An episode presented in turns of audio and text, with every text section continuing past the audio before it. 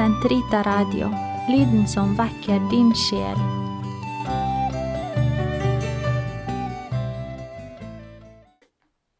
Den katolske kirkes katekisme, uke 41, mandag 770 til 773.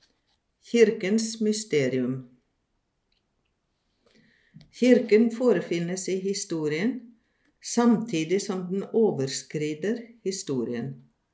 Det er bare med troens øyne det er mulig å se en åndelig virkelighet som på samme tid er bærer av guddommelig liv i Kirken som synlig virkelighet. Kirken på samme tid synlig og åndelig. Kristus, den eneste mellommann mellom Gud og mennesker, har gjort sin hellige kirke, som er et troens, håpets og kjærlighetens fellesskap, til en synlig bygning, og han opprettholder den stadig for gjennom den å utbre sannheten og nåden til alle. Kirken er på en og samme tid et hierarkisk oppbygget samfunn og Kristi mystiske legeme. En synlig forsamling og et åndelig fellesskap, den jordiske kirke og den kirke som er rik på himmelens skatter. Disse aspekter utgjør til sammen en eneste virkelighet som består både av et menneskelig og et guddommelig element. For det er Kirkens egenart å være på en gang menneskelig og guddommelig, på en gang synlig og bærer av usynlige rikdommer, samtidig ivrig til å virke og fordypet i beskuelse, nærværende i verden og allikevel vandrende som fremmed i den. Men alt dette på en slik måte at Kirkens menneskelige sider er innstilt på og underordnet det guddommelige i den det synlige er rettet mot det usynlige.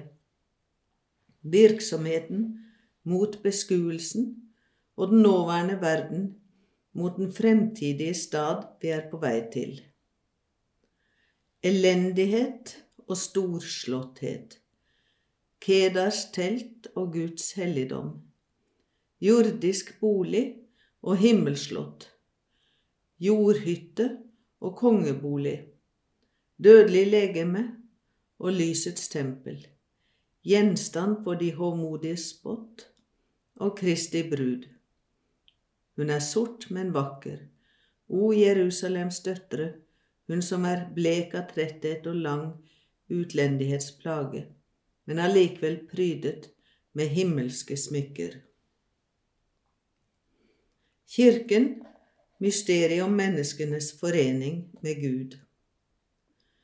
Det er i Kirken Kristus fullbyrder og åpenbarer sitt eget mysterium som målet med Guds plan, og sammenfatter alt i ham. Efeserne 1.10. Den hellige Paulus kaller den ekteskapelige forening mellom Kirken, Kristus og Kirken et stort mysterium. Efeserne 5.32 fordi Kirken er forent med Kristus, som med sin brudgom blir hun selv i sin tur mysterium.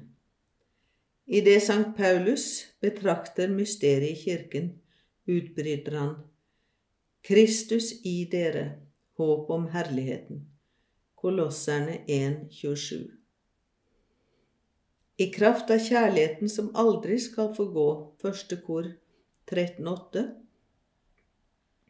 utgjør samfunnet mellom Gud og menneskene det mål som bestemmer alt det vedrørende Kirkens sakramentale midler, som er bundet til denne verden som skal forgå.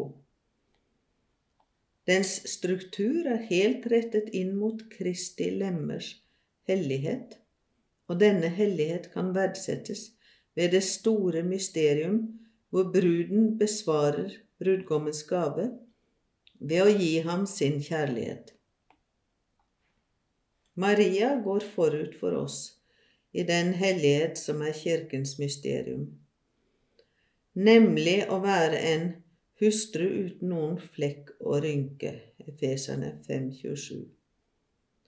Derfor går Kirkens marianske dimensjon forut for den petrinske.